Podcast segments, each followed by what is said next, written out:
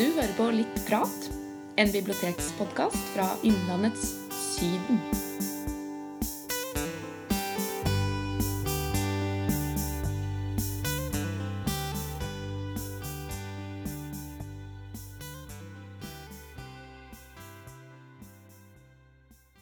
Da er vi tilbake her. Eh, Hanne Bjugstad og Roger Gressberg med en ny pod-episode Litt prat. I dag skal vi prate om eh, litt seriøse greier, egentlig. Eh, kildekritikk. Viktig for biblioteket, men Og ja, spesielt aktuelt nå med alt det her fake news-pratet, så vi skal også prate om falske nyheter. Og konspirasjonsteorier. Ja, det er jo i vinden som, som aldri før. Starta jo året med QAnon i USA annet, og sånne ting, som eh, var forkjempere for eh, en konspirasjonsteori. Eller det var vel egentlig basert, hele den storminga, litt på den konspirasjonen. Ja, de kaller seg vel, eller mediene kaller dem litt sånn QAnon-krigere. Og det Ja. viser seg jo at uh, den konspirasjonsteorien har uh, følgere eller uh, ja, folk som tror på den i Norge òg, da. Ganske Mm. mange, faktisk. Flere tusen. Så det har jo spredd seg veldig, men det er jo ganske nytt. Eh, konspirasjonsteorier derimot er vel ikke egentlig så veldig nytt. Nei, historisk sett så er jo dette her eh, noe som alltid har foregått, men eh, det er kanskje lettere å spre det nå enn før. Fordi eh, før vi trykte på innspilling her i dag, så snakka vi litt sånn om konspirasjonsteorier. Og internett har jo gjort at spredningen er eh, lettere, vil jeg kanskje si. Det er lettere å få oppmerksomhet rundt eh, litt sånn drøyere påstander, og noen ganger til og med løgn, som eh, skaper engasjement hos folk. Ja, det er kjempeeffektivt, og, og sosiale medier kanskje er spesielt effektivt, fordi det premierer jo de innleggene som uh, Mm. får mest oppmerksomhet, og det er jo ofte drøye ting, eller ting som vekker følelser, eh, som du reagerer på, da, som skaper engasjement.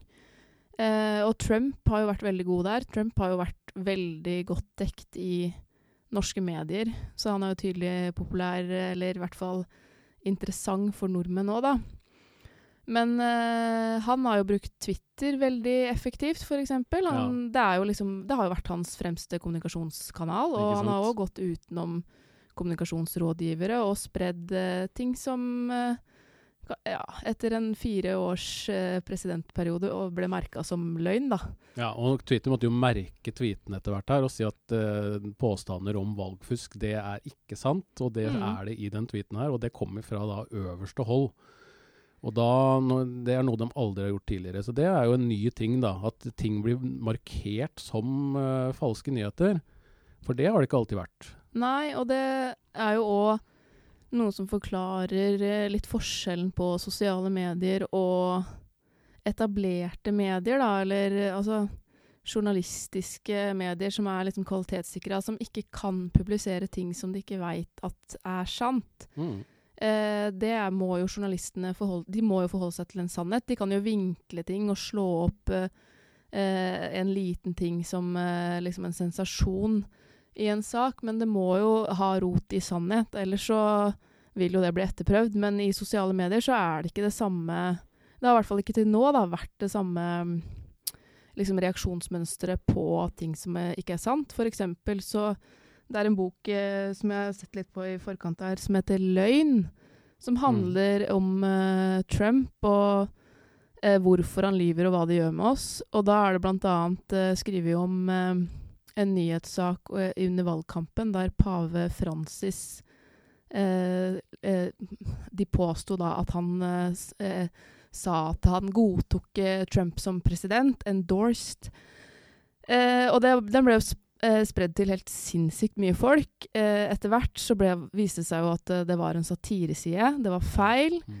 Og det kom jo ut uh, til folket, men ikke til fullt så mange, for det er jo liksom litt kjedelig i forhold, ikke sant? Det blir sånn viskeleken. Ja. eh, ja, mm. Ja, det, er liksom, det, det blir nesten som en form for sladder. At det, Mm. det er mye morsommere å spre sladderet enn å spre at 'oi, det var visst ikke sant'.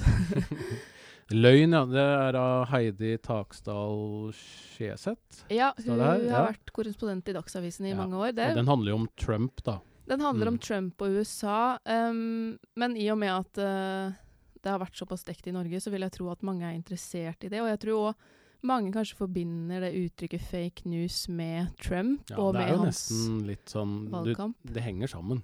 Ja, uh, og det er jo òg litt sånn i fagmiljøer som jobber med det her, de, de vil jo egentlig ikke bruke det begrepet. De vil kanskje Mm. heller bruke desinformasjon eller propaganda. Ja. At det dekker det bedre, da.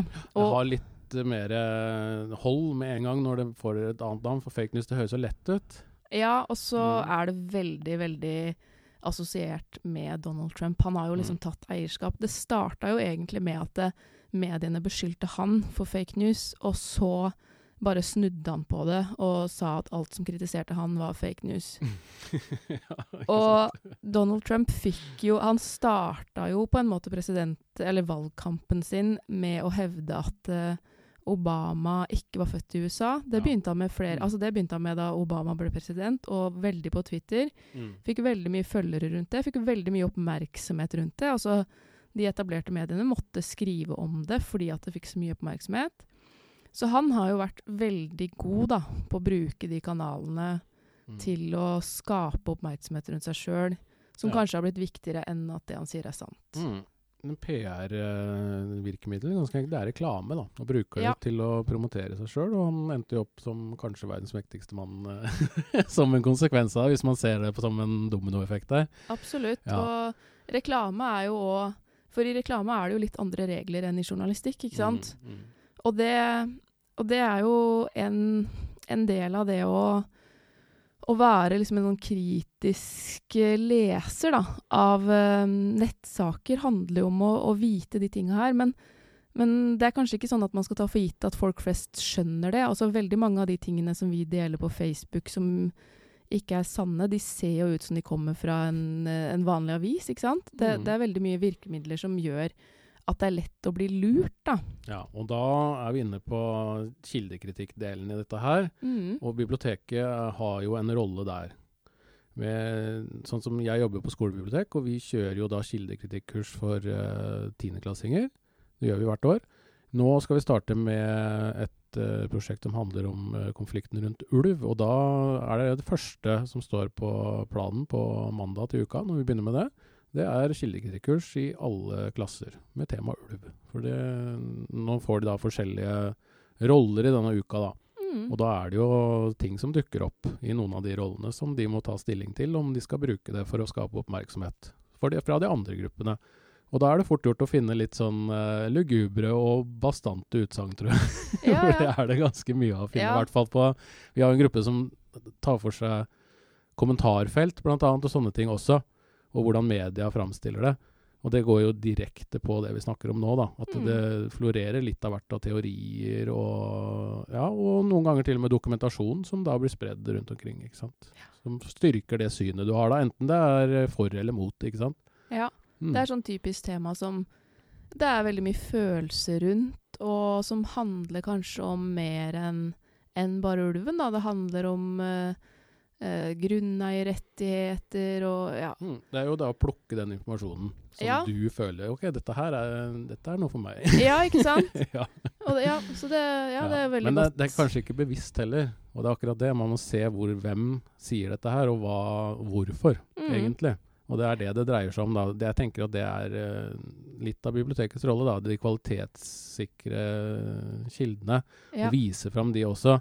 Så hvis vi skal lage en bokutstilling her, da, vi har jo noen titler, du har med deg noen, og vi har snakka om noen også, så vil vi kanskje ikke stille ut de bøkene som eh, graver seg litt ned da, i teoriene sine. For å si det, det da, at det er de som liksom fremmer et syn som kanskje kan være litt sånn skummelt. For det er jo veldig mye satirebøker som eh, har kommet nå ja. om, eh, som baserer seg litt på konspirasjonsteorier. Og da er vi jo inne på Konspirasjonspodden. Mm. De har jo to bestselgere, er det ikke det? Jo, um, det er eh, to bøker som Jeg tror de har plukka det beste fra den poden, egentlig, og, og levert i Ja. skriftlig form. Det er 25 konspirasjonsteorier i hver bok. Eh, Den ene er vel kalt noe sånn som du kan snakke om i lunsjen, og den andre Mm. som du kan snakke om hos svigers. Så det er litt mer sånn historisk i den med svigers.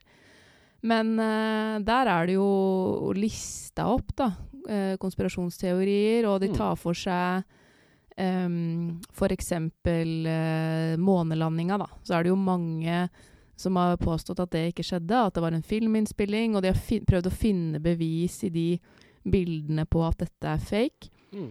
Og så presenterer de de forskjellige bevisene som konspirasjonsteoretikerne har, og så be motbeviser de vel egentlig den ganske glatt. Men det er ganske sånn eh, Det er jo ikke bare sånn 'dette stemmer ikke'. De har gått og sett på steiner og zooma inn og påstår at Stanley Kubrick har uh, Mm. regissert det. Og det, det, er, det er jo på en måte litt underholdende å lese om de tingene, samtidig som det jo òg er skremmende. For det står jo òg f.eks. om denne konspirasjonsteorien med at reptiler styrer verden. Mm. Eh, at de største kjendisene, f.eks. Clinton-ekteparet eller Brad Pitt, er blitt bytta ut av Mm. reptiler fra andre planeter. Eh, det høres jo liksom helt ko-ko ut, men eh, det er tolv millioner mennesker i verden som tror på at dette er sant. Mm. Og det blir presentert i boka som underholdning, da. Men det er Ja. jo reelt for noen, dette Ja. her. Dessverre, så jeg må nesten si det, så er dette her eh, ting som folk kan tro på, ja.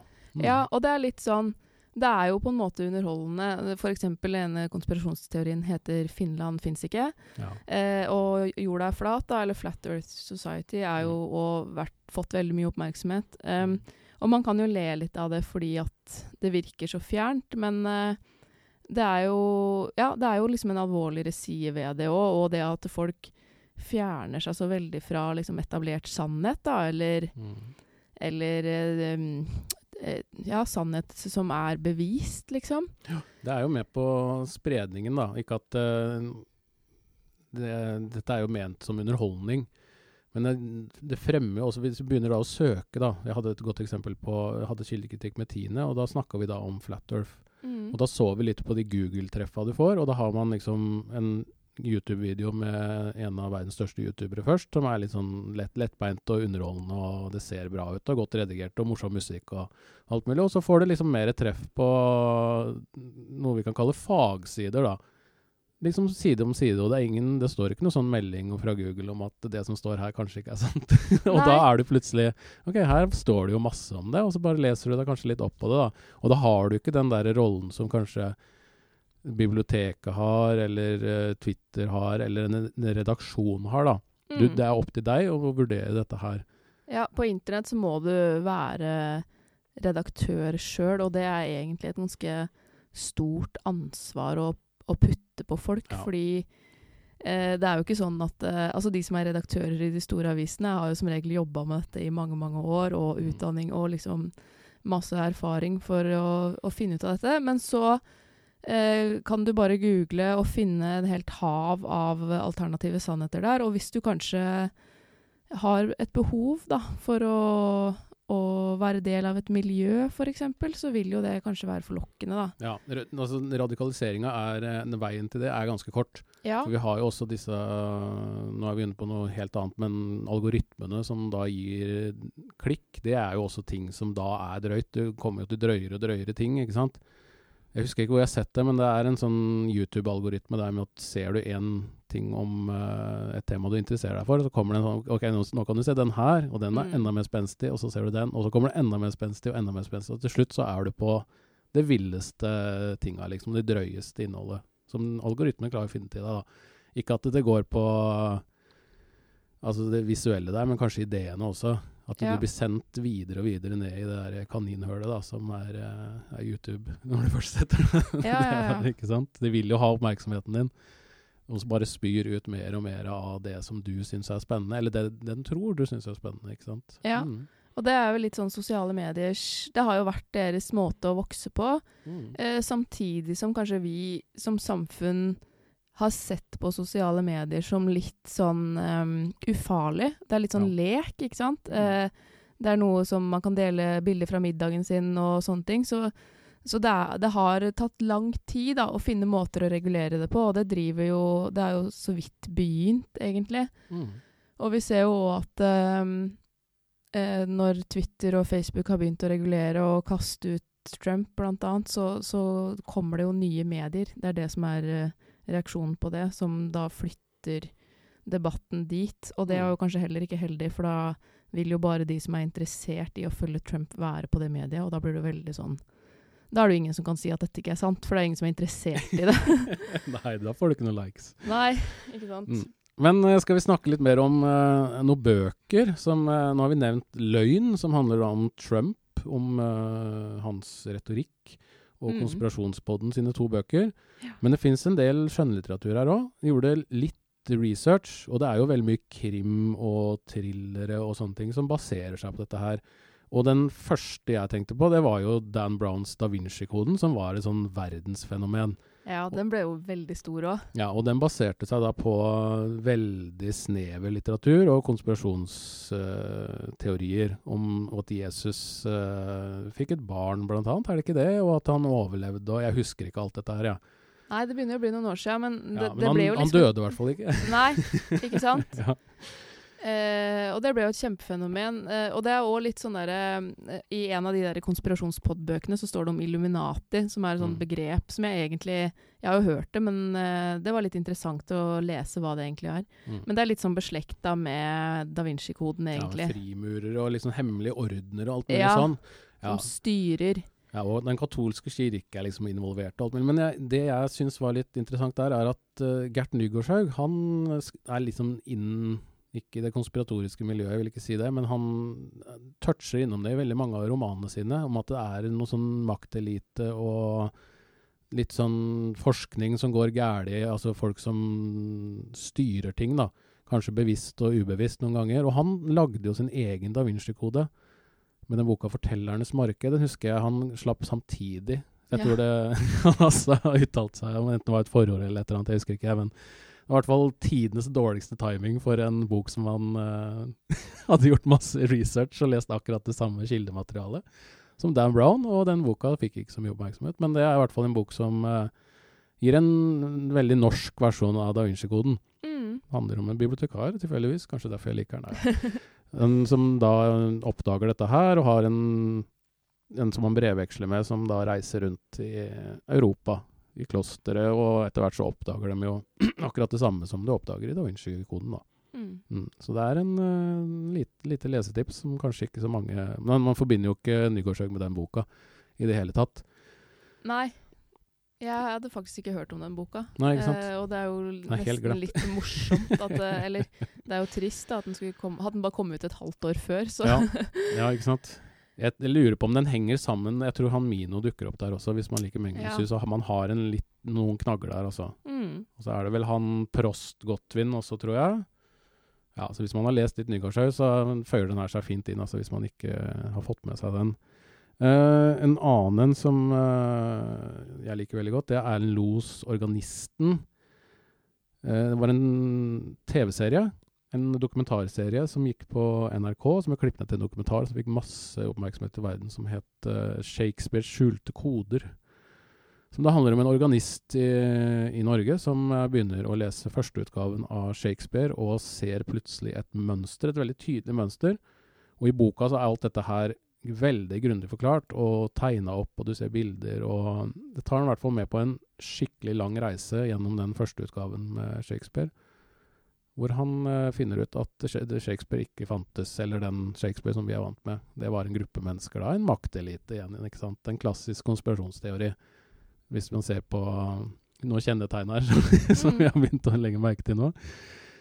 Og da ender det i hvert fall med at uh, han finner ut at Francis Bacon annet eh, blir nevnt i denne første utgaven i teksten, og at uh, typografien viser om at uh, det er en gruppe som står bak, og at det finnes en skatt. Så det ender opp med at han reiser til Canada, annet, og, og finner denne skatten, da, men ikke bokstavelig talt, men at det er et eller annet der. Og det føyer seg fint inn i en annen konspirasjonsteori om akkurat den øya. det er bare sånn Alt bare faller på plass, og det er en jeg, jeg tror mange har sett den serien, men boka tar det ganske langt, altså. Det gjør det, og det er veldig, veldig grundig, og han er logisk hele veien, og er veldig underholdende. Erlend Loe skriver jo veldig godt, da. Og det er formidla på en veldig fin måte, egentlig. Og det er en konspirasjonsteori som Den er litt sånn harmløs, fordi det er så gamle tekster, og det er ikke noe sånn som har så mye konsekvenser, egentlig, annet enn at det blir en god historie, da, tenker jeg, da. Ja, det blir mer mystisk, kanskje. Ja, mm, Ja. Fascinerende og mystisk, og egentlig veldig massivt, da, når du tenker Ja. på hvor viktig Shakespeare er. Og, mm. Men det, det er jo den konspirasjonsteori som handler om at de skal spre kunnskap, ikke sant? om at dette er intelligente mennesker som da gikk sammen, og nå skal vi liksom lage det Ja. beste noensinne, liksom. Egentlig for noe godt. Ja. Ja. Så det er en pos... Ja, ikke positiv, kanskje, men eh, litt mer positiv konspirasjonsteori, da. Ja. Mm. For en annen fagbok om konspirasjonsteorier som um, egentlig har vært viktig fordi den er uh, veldig sånn norsk fokus, det er jo den 'Konspira Norge' av Jon Færseth. Den er fra 2013. Men uh, det tar jo Altså, her går vi jo inn på liksom 22. juli, Arbeiderpartiet og litt sånne Mm. ting. Det, det burde jo egentlig vært uh, pensum, står det i veldig mange av anmeldelsene av den boka. Og den er, eh, den er tjukk og grundig, men den er uh, også viktig for å forstå hva konspirasjonsteorier egentlig er. Han skriver underholdende, han òg, men jeg syns kanskje den gir et litt mer sånn nyansert bilde av konspirasjonsteorier som, eh, som liksom en trussel, da, enn, den der, enn disse fra Konspirasjonspodden. Fordi Mm. den analyserer litt mer hva det gjør med oss. Ja, det er litt mer alvorlig materie, høres ut som med en gang, når det går på terroraksjoner som Ja. Ja, og så tror jeg vi kanskje, sånn som med QAnon og sånn, så er jo det spinnvilt, men det skjer så langt unna. Mm. Eh, og vi tenker kanskje at det, dette er sånn ting som skjer i USA, og veldig mye av konspirasjonsteoriene spinner jo ut fra USA, men, men det skjer nok eh, det, det er noe greier på gang i Norge òg som ikke er helt bra. Mm. Eh, og som liksom handler om å, ja, å gruppere opp samfunnet. Da. Og det her med Arbeiderpartiet har jo vært Det nevnes jo, men det, det skjer vel hovedsakelig litt sånn der utafor eh, det allmenne mediet at dette blir spredd, ikke sant. Så den, den er veldig fin, og Jon Færseth kommer faktisk til Kongsvinger eh, 9. mars, for da skal Kongsvinger bibliotek ha en temauke om disse tinga her. Eh, så da skal vi ha et webinar som skal strømmes på mittkongsvinger.no om disse tinga, eh, med bl.a. Jon Færseth, en representant fra faktisk.no som jobber kjempemye med det her. De er jo faktasjekkere eid av store norske mediehus. Mm. Em, så kommer eh, det noen redaktører fra avisa og ja, litt forskjellige. Og vi håper òg å kunne få noen eh, elever med, ved medielinja til å delta i det. Så det håper jeg at eh, folk vil se på, for det handler jo litt om å, å bli litt mer bevisste forbrukere av denne informasjonen da, som bare flommer over og ja, innhenter oss om vi vil det eller ikke. Ja. ja, det er god timing på det, det opplegget der, faktisk. Så det virker som det er eh, det er, ikke- bare behov, men det er jo også veldig i vinden nå. Og det kommer jo inn i læreplaner også, med kritisk tenking her. Vi ser jo, vi jobber med dette her på skolen. Det er liksom Mm. det første Ok, nå skal vi jobbe med det temaet, da er det kritisk tenkning. Det er det første vi skal gjøre. Og det er jo veldig fint at uh, hovedbiblioteket også, Kongsvinger bibliotek, eh, tar tak i dette her, da. Og samarbeider med pressen, ikke sant. Ikke minst. Det, er jo, det virker som folk er liksom klare til å ta litt ansvar. At nå må vi, nå må vi tenke litt her, ikke sant. For nå, det har jo blitt masse konsekvenser av det, at det er, ikke har vært noe særlig kontroll på, da. Ja, og så tror jeg det, det er blitt litt sånn Ja, nå sier du at det er en del av læreplanen, men det var jo ikke det da vi gikk på skolen, og ikke da foreldra våre gjorde det. Og de er jo også Mm. på Facebook, ikke sant. Og det er lett å tenke at å, dette må du skjønne, dette er eh, ikke sant. Men det Mm. er faktisk ikke så lett å navigere i dette her uh, sjøl. Så jeg tror eh, det er mange som kan være med på å bevisstgjøre rundt uh, de valgene man skal ta, da, før man f.eks. deler noe på internett. For det handler jo ikke bare om Trump og som sprer løgner, det handler jo kanskje om en du har på Facebook som deler en sak som er litt sånn sketchy, da. Hva gjør Mm. du da, da? Skal du kommentere 'dette er eh, Mm. Nå er du dum', liksom. Dette, dette er ikke sant, ikke sant? Ja. Det er, det er eh, privat samtidig som det er veldig offentlig, og det, Mm. det byr på ganske mye utfordringer, da. En annen bok som vi ikke har snakka om også, er jo den Eivind Trædal sin, 'Hvordan ytre høyre vinner debatten', og handler jo ganske mye om dette her, da. Den, eh, den husker jeg likte veldig godt, og den var litt sånn Den åpna øya litt for disse her eh, bloggene også, som vi har i Norge. Som eh, ikke får være med i noen presseforeninger og Men får ganske mye taletid på TV, blant annet. Vi snakker Mm. da om Resett og Dokument og Human Rights Service, er det det det heter? Ja, og Steiga nå er jo Mm. Ja. litt nå Ja, dette er jo blogger da som Mange av de får jo statsstøtte, og som sagt, de får mye taletid og blir referert til, da. Men det er jo ikke mediehus ja, i den klassiske forstand. Og dette jo, henger jo sammen med Altså, de trykker de sakene som da fremmer den agendaen de har, virker det som, eller saker som skaper blest, og som du ikke ser andre steder. ja. Og vi har hatt eksempler her på skolen om at dette er saker som man kan dukke opp da i en sånn kildekritikkurs, så er det noen som da funnet Ok, her fant vi jo akkurat det vi trengte, så da Mm. bruker vi den saken. og der, der får du liksom de drøye tinga igjen, da.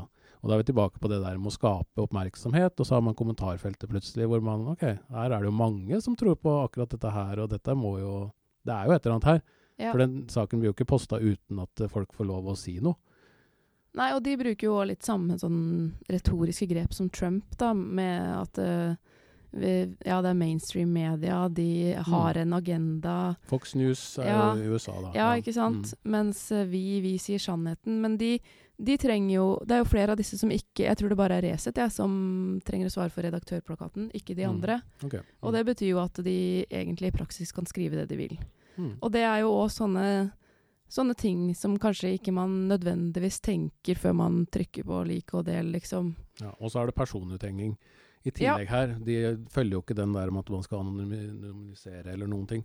Så de lagde jo store saker på politikere, og da er det jo bilder og fullt navn og hele pakka, liksom, hvis det er en skandale. Mm. Når det vanligvis står norsk politiker eller medieprofil eh, Ja. i, i, i fylleslagsmål eller et eller annet sånt, da kan du gå dit, så får du hele pakka.